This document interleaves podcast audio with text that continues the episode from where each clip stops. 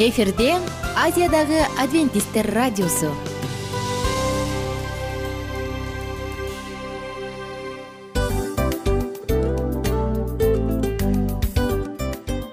Достор салют.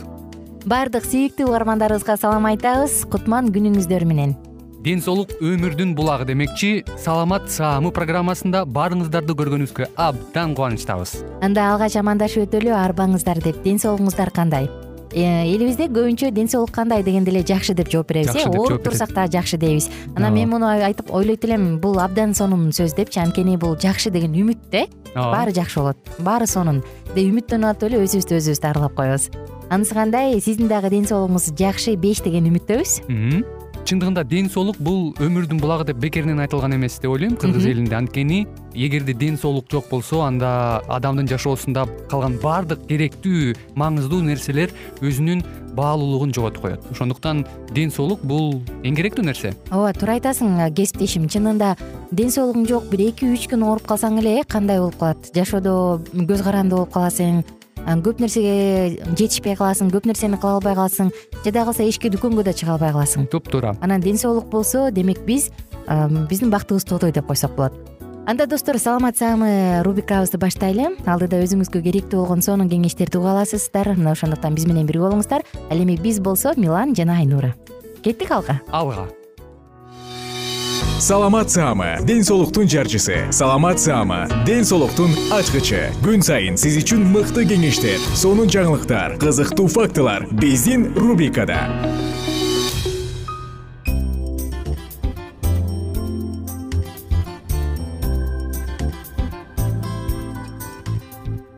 арбаңыздар жалпы ала тоону мекендеген кыргыз элим. Сиздер менен бирге биз саатыбызды баштадык. Аты жөнүм айнура миназарова жана бүгүнкү конокторубуз бар. Инфекционист дарыгер эжекебиз токтогожоева алтын мусаевна жана дарыгер эпидемиолог казиев балгарт казиевич. Саламатсыздарбы? Саламатсыздарбы. Биз ичеке карын инфекциялары жөнүндө сөз кылып атабыз. Ич өткөк бул өзгөчө кичинекей балдарда кеңири жайылган кеңири таркаган бир көйгөй эмеспи. Анан бир аз ооруганда эле ата энелер айласы кетет дароо антибиотикти көздөй жөнөп анан инфекцияны өлтүрүш керек деп калабыз да. Негизи муну кантип туура дарылаш керек кантип сактанса болот мына ушул жөнүндө баардыгы алдыда кененирээк. Алгачкы эле суроом балгар казиевичке болсун. Мурунку уктуруубуздун аягында биз профилактика жөнүндө сөз кылып атканбыз э. Анан ушул жерде эл менен иштешкен ашпозчулар болобу же тарбиячыларбы алар текшерүүдөн өтүш керек деп айтып кетпедиңиз беле. Ушул жөнүндө кененирээк айтып берсеңиз канчалык деңгээлде өтүш керек жылына канча жолу жана майда чүйдө детальдарынан эми бул жанагыны улай кетсек э, бул аспозчулар деп айтып өтпөдүкпү жанагы эле бала бакча болобу школ мектептерде болобу. Баары э, сөзсүз түрдө биздин мамлекеттик санитардык эпидемиология көзөмөлдөрүнө барып бак лаборатория деп коет бактериологический лаборатория ошол жактан анализин тапшырып анан анализдин негизинде гана эгерде эгерде положительный чыгып калса анда инфекционистке жиберет. Инфекционист э, тиешелүү дарыларды жазып берет анан бир жумадан кийин кайра келип кайра анализ тапшырат. Анан анализ отрицательный чыкса таза чыкса.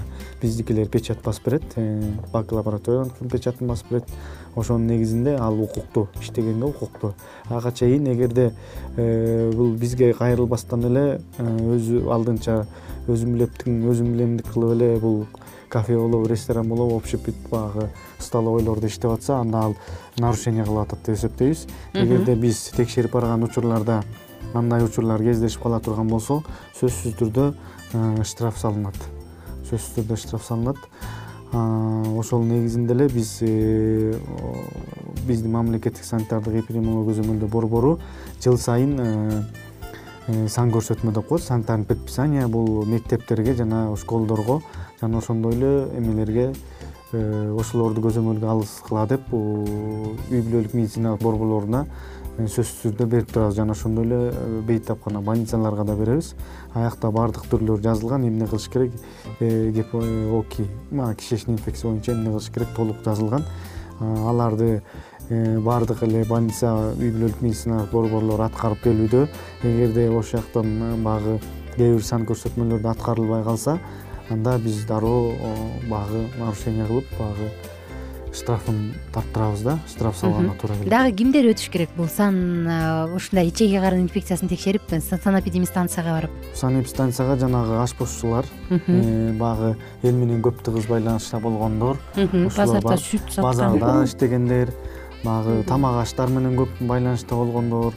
Мага ушулордун баары барып э, өтөт. Жанагы официант деп коебуз. Го ошонун баары барып ресторан кафелерде иштеген ресторан кафеде сөзсүз түрдө жылына бир жолу өтүш керек. Жакшы. Кийинки суроом эжекебизге болсун биз ууланууну өзүнчө алсак э анткени отравление аябай кеңири кездешет го. Ууланып калды адам биринчи жардам үйдөн эмне кыла алат эң эле биринчи кезекте. Башталганда эле э, бул кузуп баштайт да. Ич буурайт аябай эле улам улам кузат. Эң биринчи ошо үйдөгү эне атасы негизи билиш керек ошо кузуп атканда жылуу сууну жылытып алып эле сууну аябай ичирип ичирип кустуруп салса бир топ жеңилдеп калат дагы эң биринчи э, ошо жардам болуп эсептелинет. Анан баягы кусканы токтогондон кийин акырындан акырындан ууртатып ууртатып суюктукту бериш керек. Себеби кускан кишинин шайы бат эле ооп калат ал эми температура болсо эми отравление болгондо сөзсүз түрдө ал жерде микроб бар да. Палочка бар. Температура болгондо ошо температурасы отуз сегиз бештен ашса температураны түшүргөн дарыны бериш керек. Э, өзүнүн белгилерине жараша ошондой кылып анан э, сөзсүз түрдө өзүнүн дарыгерине барыш керек да. Өзүнүн дарыгерине барганда карап туруп эгерде жөн эле кузуп эле анан ошо баягы кузганда эле сразу барса ошол жерден промывать этиш керек э, үй бүлөлүк медицина борборунда отравление экенинин себеби белгилерине карап коет да. эмнеден болду деп чечкенден кийин билгенден кийин промывать этсе эң биринчи ошол жардам болуп эсептелинет да.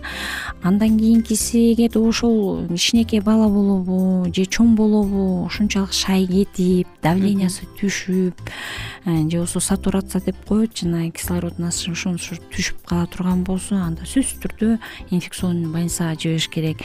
Ал эми ушул кишечный инфекцияларды негизи эле сальмонез болобу дизентерия болобу эшерихиоз болобу стафилококк этиология болобу же болбосо сальмонезный этиология болобу баарыныкы эле э, түрлөрү бар. Э, токсик инфекцияныкы деле легкий форма деп коет жеңил өтүп кетет. Аны үйдөн дарыласа орточо болуп өткөн тоже үйдөн дарыласа болот. Анан аябай эле алы кетип обезвоживание деп коет көзү киртейип оозтору кургап шай кетип суу иче албай э, кожасы аябай э, бошоп калат да ошол убакта сөзсүз түрдө анда э, канга ошо венасына куюучу суюк дарыларды куйса анан жакшы болушат. Үй шартында кээ бир ошо отравленияда ууланууда марганцовканы малачылап да ичип ийгендер бар эмеспи? Бул кандай? Негизи туурабы же бул туура эмес негизи азыркы протоколдор менен биз жөнөкөй эле суу менен эле жуйбуз да. Марганцовка менен деле мал алып эметсе болот анда деле кандайдыр бир микробторду өлтүрөт деп эсептесе болот да. Бирок биз кайнак суу менен эле э, жуйбуз ашказанын. Ашказанды жууп коюш керек бир сыйра алты саат алты мүнөт кырк эки секунд болуп кетти. Биз алдыда э, э, кайсы мезгилде күч алат жана кимге кайрылыш керек кандай дары дармектерди ичиш керек антибиотиктерди ичүү туурабы туура эмеспи мына ушул жөнүндө сөз кылабыз. Ага чейин болсо сиздер менен азырынча коштошуп турабыз. Убактылуу гана сиздерге келип бергениңиздер үчүн ыраазычылык айтам. Бүгүнкү конокторубуз дарыгер инфекционист эжекебиз токтогожоева алтын мусаевна жана дарыгер эпидемиолог казиев балгарт казиевич болду. Достор жалпыңыздар менен кийинки уктуруубуздан амандашканча сак саламатта туруңуздар. Күнүңүздөр көңүлдүү улансын. Маанайыңыздарды эч нерсе чөгөрбөсүн. Эч качан оорубаңыздар. Анткени ден соолук. Бул биздин эң башкы байлыгыбыз саламат саама ден соолуктун жарчысы. Саламат саама ден соолуктун ачкычы. Күн сайын сиз үчүн мыкты кеңештер сонун жаңылыктар кызыктуу фактылар биздин рубрикада. Салют замандаштар баарыңыздарга ысык салам. Дил маек программабызга кош келиңиздер. Дил маек рубрикасы дегенде эле бул эмне болгон дил маек ким менен маектешебиз деп сурайт болуш керек угармандарыбыз бул рубриканы кыскача тааныштыра кете турган болсок ар тарап кесип ээлеринен болгон сонун интервью кеңештер бар. Ооба. Жылдыздар менен болгон маек бар. Аталарыбыздын агаларыбыздын чоң аталарыбыздан сонун кеңештер бар. Ошондой эле эже сиңдилердин кеңештери бар айтор. Баардык кызыктардын баары алдыда. Негизи эле адам баласы бир кимдир бирөөнө ишенип сырын ачкысы келет эмеспи э мындай баарлашууга жакын келебиз го. Албетте.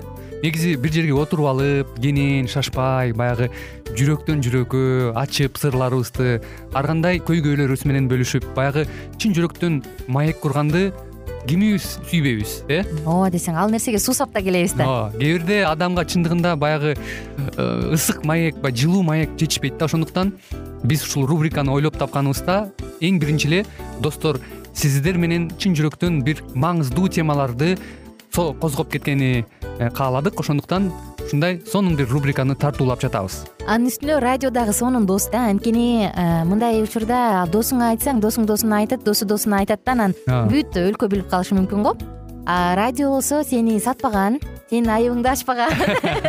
Сенин сырыңды эч кимге айтпаган сонун мына ошондуктан биздин алдыдагы айта турган кеңештерибизди биздин досторубуздун кеңештерин угуп анан ал жака пикириңизди дагы калтырып кайрадан биз менен байланышсаңыздар болот. Деги эле жашооңузга эгерде кичине болсо дагы өзгөрүү алып моралдык жактан нравовик жактан сонун бир кеңештерди алсаңыз демек биз максатыбызга жеттик ооба. Чыңгыз атабыз улуу жазуучу э, чыңгыз айтматов айткандай адам болуу бул күнүмдүк процесс экен. Күн сайын адам бойдон калуу бул адамзатка эң эле кыйын дейт э? э эң кыйын дейт. Чындыгында бунун э, негизинде адамдын эң баягы сапаттуулугу адамдын э, адамгерчилиги жана көптөгөн керектүү нерселер. Мына ошол темалар дагы бизде ушул дил маекте биз аларды да козгойбуз. Ден соолук жөнүндө да сүйлөшөбүз. Сөзсүз түрдө. Анан милан мырза негизи айтып коюшат го биз көбүнчө эмнени ойлонсок? Ошол нерсеге карата иш кылабыз го. Ооба. Анан анысы кандай? Балким бул радио баракчада кимдир бирөөнүн оюн текшергенге жардам берет кимдир бирөөнүн жүрөгүн текшергенге жардам берет. Балким кимдир бирөөгө жашоонун маңызын тапканга жардам берет айтор кызыктын баары алдыда бул жөн гана кыскача жарнама анда угармандарыбыздын баардыгын кийинки рубрикабызга чакырабыз. Ал эми кызматта маңдайымда отурган кесиптешим милан жана мен айнура. Анда эмесе биз даярдаган терең терең ойлор менен таанышууга кеттик. Алыс алыс баралык анда эмесе достор биз менен бирге болуңуздар. Алдыда эң кызыктуу маалыматтардын баардыгы бир нече мүнөттөр бою жалгыз гана сизге арналат мына ошондуктан жакшы маанай менен угууну каалайбыз. Үн алышканча. Жөнөдүк. Ар түрдүү ардактуу кесип ээлеринен алтын сөздөр жүрөк ачышкан сыр чачышкан сонун маек дил маек рубрикасында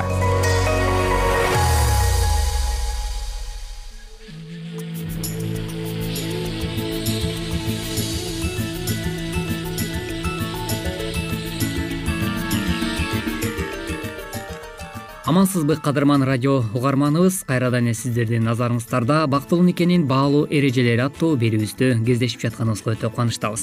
Бүгүнкү программабыздын чыгарылышында биз сиздер менен дал ушул үй бүлөлүк жаатта үй бүлөлүк бюджетти башкача айтканда акча каражаттарды кантип туура пайдалануу керек ушул туурасында э, сөз кылмакчыбыз. Андыктан биздин ободон алыстабай дал ушул мүнөттөрдө биз менен биргеликте болуңуз. Микрофондо кайрадан эле кызматыңыздарда аты жөнүм улан кубанычбеков. Жана ошондой эле менин кесиптешим саламатсыңарбы жана мен асель мамбетова. Үй бүлөлүк жаатта акча каражаттарды туура пайдалануу үйдөгү болгон акчаңарды карасаңар эле. Акчаңар азайып баратыптыр. Баш кошконуңарга аз эле убакыт болсо да бир топ чыгым болуп турсуңар. Буга өмүрлүк жарыңар күнөөлүүбү. Андай жыйынтык чыгарууга шашпагыла андан көрө чогуу ойлонуп эмне себептен ушундай абалга туш болгонуңарды талдап көргүлө эгер силер турмуш курганга чейин ата энеңер менен чогуу жашасаңар төлөмдөрдү төлөө акча бөлүштүрүү деген нерселер силер үчүн жаңы нерсе болушу мүмкүн. Анын үстүнө өмүрлүк жарыңардын акчага карата көз карашы силердикинен айырмаланышы ыктымал. Мисалы бириңер коротконго жакын болсоңор экинчиңер чогултканга жакын болушуңар мүмкүн ошондуктан жубайларга айрым нерселерди өзгөртүп акчаны кантип туура пайдаланыш керек экендигине байланыштуу бир пикирге келип ошого ылайык иш кылыш үчүн убакыт талап кылынат. Албетте ар бир нерсени кылуу үчүн сөзсүз түрдө убакыт абдан талап кылынат эмеспи демек бул нерсени дагы сөзсүз түрдө жаш жубайлар эске алганыңар абдан маанилүү. Ал эми ошол эле учурда ойлонбостон карыз ала бере турган болсоңор. Демек карызыңар күндөн күнгө өсүп отуруп ото чөптөй болуп дүркүрөп өсүп кетиши дагы мүмкүн. Демек мындай кырдаалга туш болгон учурда эмне кылышыбыз керек? Келиңиз анда эмесе бул туурасында дагы бир нече кеңештерге кулак салыңыз учурда иши жакшы жүрүп жаткан арстан деген ишкер жаңы үйлөнгөн кезинде акчаны кармай албаганынын кесепетин тартканын жашырбай мындай дейт. Мен төлөмдөрдү убагында төлөбөй жүрө бергендиктен жубайым экөөбүз акырында туумга эле миңдеген акча коротконбуз. Ошентип бир тыйыны жок отуруп калганбыз деп билдирди. Мындан башка көзгө көрүнбөгөн капкандар бар эмеспи. Мисалга мындай капчыгыңардын жукарып баратканын көрбөсөңөр. Акчаны ойлонбой эле корото беришиңер мүмкүн. Мисалы кредиттик картаны же дебиттик картаны колдонсоңор же бир нерсени интернет аркылуу сатып алсаңар же банк эсебин интернет аркылуу жүргүзсөңөр көп акча коротуп коюшуңар ыктымал. Ошондой эле оңой жол менен насыяга алынган акчаны коротуп коюу да оңой. Көп коромжу болушуңарга эмне себеп болбосун акча маселеси. Нике түйүнүн ыдыраткан олуттуу көйгөй. Нике тууралуу бир китепте көптөгөн жубайлардын ортосундагы көйгөй. Акчасы аз болобу көп болобу. Негизинен акчанын айынан болоору айтылган. Ошондой эле анда жаңжалдын баары акчадан чыгаары жазылган. Демек бул жаатта урматтуу ата энелер жана ошондой эле жаш жубайлар. Биз эмне кылсак болот? Келиңиздер бул туурасында дагы карап чыгалы эң биринчи эле кеңешип иш кылганыңар абдан маанилүү болуп саналат. Бири бириңерди күнөөлөй берүүнүн ордуна биргелешип иш кылгыла. Кеңешип баштаган соң эле акча маселеси туурасында сүйлөшпөгөнгө аракет кылгыла. Тескерисинче башка маанилүү иштер жөнүндө көбүрөөк сүйлөшүүгө аракет кылыңыз. Эгерде сиз бир гана акча туурасында маселени козгой турган болсоңуз анда экөөңүздөрдүн тең бири бириңиздерге карата болгон мамилеңиздер дагы сууп кетүүсүнө жол берип койгон болосуз ошондуктан эл арасында эрди катын акыл калчап иш кылганы маанилүү деген сөз бар эмеспи. Демек ушул нерселерди сөзсүз түрдө жашооңузда колдонуңуз. Мындан сырткары дагы урматтуу түгөйлөр сиздер үй бүлөлүк бюджетиңизди туура түзгөнгө дагы аракет кылыңыз. Аз болобу көп болобу. Бир айдын ичинде кеткен чыгымдын баарын жазып жүргүлө. Ошентсеңер акчаңардын каяка кетип жатканы жана зарыл эмес нерселерге канча кеткенин билип турасыңар тамак аш кийим кече ижара ипотека машина сыяктуу зарыл нерселердин тизмесин түзүп алардын тушуна кайсы бир убакыттын ичинде алсак бир айдын ичинде канча акча кетерин жазып койгула. Ай сайын зарыл нерселерди ар бирине тамакка ижарага машинага машинанын майына жана башка ушул сыяктуу нерселерге акча бөлүп койгула. Айрымдар ал акчаны өз өзүнчө кылып конверттерге салып коюшат анан конверттин бириндеги акча түгөнгөндө. Ошол конверттеги акча жумшала турган нерсеге башка акча коротушпайт же акчаны башка конверттен алышат. Андан сырткары көз карашыңарды текшергиле. Адам жаңы чыккан нерселерди сатып алганда эле бактылуу болуп кетпейт. Бизде жакшы накыл кеп бар эмеспи. Адамдын дүйнөсү ашып ташып турса да колунда болгон мүлкү ага өмүр бере алат дейт андан сырткары көз карашыңарды дагы өзгөртсөңөр туура болчудай. Үйлөнгөнүнө эки жыл болгон арун мындай дейт. Кабелдик телевидениеге кафе ресторандарга жана башка ушул сыяктуу нерселерге башында көп деле акча кетпечүдөй сезилет. Бирок карасаң эле чөнтөгүң жукарып калган болот. Биз акчабызга карап жашаш үчүн айрым нерселерден баш тартышыбыз керектигин түшүндүк дейт ошондуктан урматтуу түгөйлөр сиздер айрым бир кеңештерге дагы кулак салып койгонуңуздар абдан маанилүү экен. Мисалга айтсак акчаны бирөө эле кармап төлөмдөрдү бирөө эле төлөсө да үй бүлөнүн финансылык абалын экөө тең билүүсү шарт болуп саналат. Демек финансылык маселеде бири бириңиздер менен кеңешип турган болсоңуздар анда чыр чатактын чыгып кетишине эч убакта жол бербейсиздер. Ошондуктан ар бир маселенин үстүндө ойлонуштурганга аракет кылгыла банктык шотуңарда акчаңар болсо эле ысырап короткондон алыс болгула. Ашыкча акчаңарды сарамжалдуулук менен коюп койбосоңор күтүлбөгөн жагдайлар пайда болгон учурда мисалы машинаңарды оңдош керек болуп калганда акча таппай калган учурлар жана ошондой эле жашоодогу ар түрдүү кыйынчылыктарга дуушар болгон учурда мисалы ооруп калган учурда дагы акчаны кайдан табыштын жолун издеп ар кимден карыз сураган учурлар дагы болот эмеспи демек бул нерселерге жол бербеш үчүн сөзсүз түрдө өзүңүздүн шотуңуздагы акчаны сарамжалдуу пайдаланганга аракет кылганыңыз абдан маанилүү болуп саналат экен.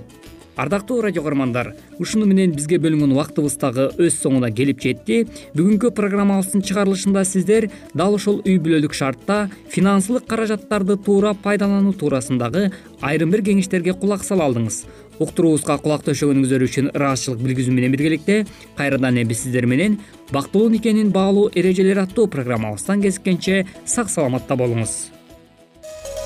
Ар түрдүү ардактуу кесип ээлеринен алтын сөздөр жүрөк ачышкан сыр чачышкан сонун маек дил маек рубрикасында жан дүйнөңдү байыткан жүрөгүңдү азыктанткан жашооңо маңыз тартуулаган жан азык рубрикасы.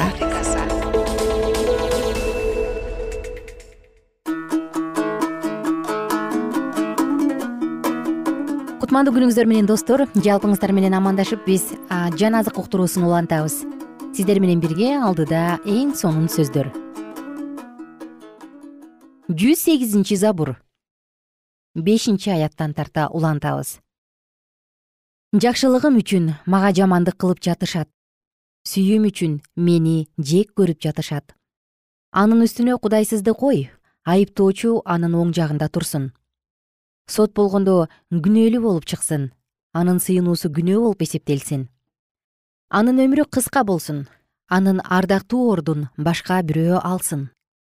Анын балдары жетим калсын аялы жесир калсын балдары тентип кайыр сурашсын өздөрүнүн ураган үйүнүн алдында тамак сурап отурушсун.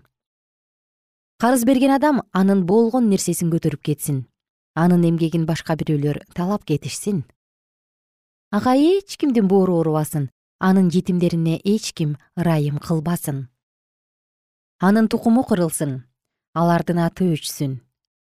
Анын ата бабаларынын мыйзамсыз иштери теңирдин алдында унутулбасын анын энесинин күнөөсү өчүрүлбөсүн. Алар ар дайым теңирдин көз алдында болушсун. Теңир алардын ысымын жер үстүнөн өчүрсүн. Анткени ал ырайым кылуу жөнүндө ойлогон жок. Тескерисинче бейбачара жакыр жүрөгү жаралуу адамды өлтүрүш үчүн куугунтукка алган каргышты жакшы көрдү. Ал анын башына тийди батаны каалаган жок. Андан ажырады. Каргышты жапандай кийип жүрсүн каргыш суудай болуп анын ичине кирсин майдай болуп анын сөөгүнө кирсин. Каргыш ага кийип жүргөн кийимдей болсун. Ар дайым өзү курчанып жүргөн курдай болсун. Менин душмандарым жана мага каршы сүйлөгөндөр теңирден ушундай жаза алышат. Мага болсо теңирим теңирим өз ысымың үчүн кыл анткени сенин ырайымың жакшы мени куткар. Анткени мен жардымын жана жакырмын менин жүрөгүм жаралуу мен өтүп бара жаткан көлөкөдөй жок болуп бара жатам. Мени чегирткедей кубалап жатышат. Орозодон тизелерим алсырады денемден май кетти. Мен аларга күлкү болдум. Мени көргөндө баштарын чайкашат. Мага жардам бер теңирим. Кудайым мени өзүңдүн ырайымың менен куткар теңирим бул сенин колуң экенин муну сен кылганыңды билишсин. Алар каргап жатышат. Бирок сен мага батаңды бер алар каршы чыгып жатышат бирок уятка калышсын. Өзүңдүн кулуң болсо кубансын. Душмандарымдын абийири төгүлсүн. Шылдыңды кийимдей кийишсин. Ошондо мен катуу үн менен теңирди даңктайм. Сансыз элдин арасында аны даңазалайм. Анткени жанын соттогондордон куткарыш үчүн теңир жакырдын оң жагында турат. Жүз тогузунчу забур. Бөөттүн забуру. Теңир менин теңириме мен сенин душмандарыңды бут алдыңа жыкканга чейин менин оң жагыма отур деди. Теңир сенин күчүңдүн таягын сиондон жиберет. Өз душмандарыңдын арасында бийлик жүргүз. Сен жеңген күнү элиң ыйык кийим кийип даяр турушат. Сенин уулдарың таң ата электе эле түшкөн шүйдүрүмдөй болуп сага келишет. Анткени теңир ант берген аны өзгөртпөйт сен малкиседек даражасындагы түбөлүктүү ыйык кызмат кылуучусуң. Теңир сенин оң жагыңда. Ал өз каарын төккөн күнү падышаларды өлтүрөт. Бүт элдерди соттойт. Жер бетин өлүккө толтурат. Кенен жерде душмандардын баштарын талкалайт. Жолдошу араккан суудан ичет ошондуктан башын жогору көтөрөт. Жүз онунчу забур. Теңирди даңктагыла. Теңирим мен сени чын жүрөгүм менен адил адамдардын кеңешмесинде жана жыйындарда даңктайм. Теңирдин иштери улуу. Анын иштерин сүйгөндөрдүн бардыгына алар суктанаарлык анын иши даңк жана сулуулук. Анын адилеттүүлиги түбөлүктүү. Ал өзүнүн кереметтерин унутулгус кылып койгон. Теңир айымдуу жана боорукер. Теңир өзүнөн корккондорго тамак берет. Өз келишимин түбөлүккө унутпайт бутпарастардын мурасын өз элине бериш үчүн ага өз иштеринин күчүн көрсөттү. Анын колунун иштери чындык жана акыйкаттык анын осуяттары туура. Кылымдан кылымга бекем турат чындык менен адилеттикке негизделген. Ал өз элине куткаруу жөнөттү өз келишимин түбөлүккө сактаганга берди. Анын ысымы ыйык жана коркунучтуу. Акылмандыктын башталышы теңирден коркуу анын буйруктарын аткаруучулардын баары акылдуу. Даңк ага түбөлүккө таандык. Жүз он биринчи забур теңирди даңктагыла теңирден корккон жана анын осуяттарын чын жүрөктөн сүйгөн адам бактылуу. Анын тукуму жер үстүндө күчтүү болот. Адил адамдардын тукуму кудайдын батасын алат. Анын үйүндө молчулук жана байлык болот анын адилеттиги түбөлүктүү. Караңгыда адил адамдарга жарык болот анткени ал ырайымдуу боорукер жана адилет. Жакшы адам ырайым кылып карыз берет. Ал өз иштерин адилеттик менен жүргүзөт. Ал эч качан мүдүрүлбөйт адил адам эч качан унутулбайт. Ал жаман сөздөн коркпойт. Теңирге таянгандыктан анын жүрөгү бекем. Анын жүрөгү туруктуу ал душмандарын көргөндө коркуп кетпейт ал өзүнүн мал мүлкүн жакырларга марттык менен таратып берди. Анын адилеттиги түбөлүктүү анын мүйүзү даңк менен көккө көтөрүлөт.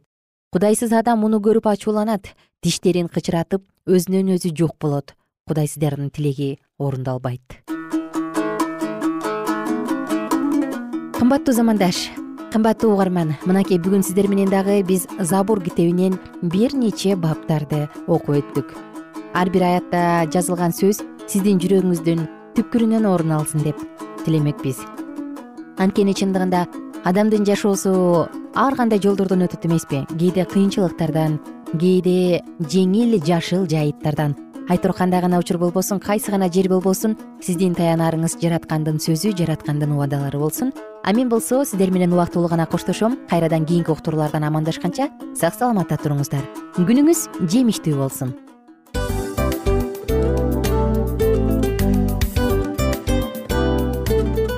достор биздин радио баракчаларыбыз соңуна келди. Демек бул программабызды дагы жыйынтыктаочу учур келдик. Учурга келдик. Анан кесиптешимден сурагым келип турат. Негизи эле иштин башталып атканы кубандырабы сени же жыйынтыгы кубандырабы? Албетте жыйынтыгы. Себеп дегенде сен кылган ишиңдин жыйынтыгын көрүп э, баягы мөмөсүн көрүп дегендей жыргайсың жүрөгүң жемишинен тартып э? Кандай даамдуу деп. Баягы буудай сепкенде эмес буудайдын эгинди жыйнагандан кийин ысык нанды жегенде кадимкидей ырахаттанасың го. Ой айтпа туура айта кеттиңиз. Сонун салыштыруу болду анан мен дагы абдан кубанып турам. Анткени биз угармандарыбыз үчүн аябай эмгектенип келген уктуруубуздун соңуна келип калдык. Анан эми э, уктуруубуздун соңунда угармандар кандай пайда алып калды экен деп күтүп турам да. Балким э, менин жашоомо өзгөрүү киргизе турган сонун сөздөр болду. Мен ушул нерсени изилдеп анан кабыл албасам ушул нерсени кылбасам деген чечим чыгарсаңыз анда биз абдан кубанычтабыз. Сөзсүз түрдө андыктан кийинки биздин кызыктуу уктурууларыбыздан көрүшкөнчө сак саламатта калыңыздар. Чыдамсыздык менен сиздерди мен милан жана кесиптешим айнура күтөбүз. Баардык угармандарыбызга ийгиликтүү күн каалайбыз. Качан гана болбосун уртуңуздан жылмаюу кетпесин үйүңүздө көмүр жүрөгүңүздө көңүл болсун дейли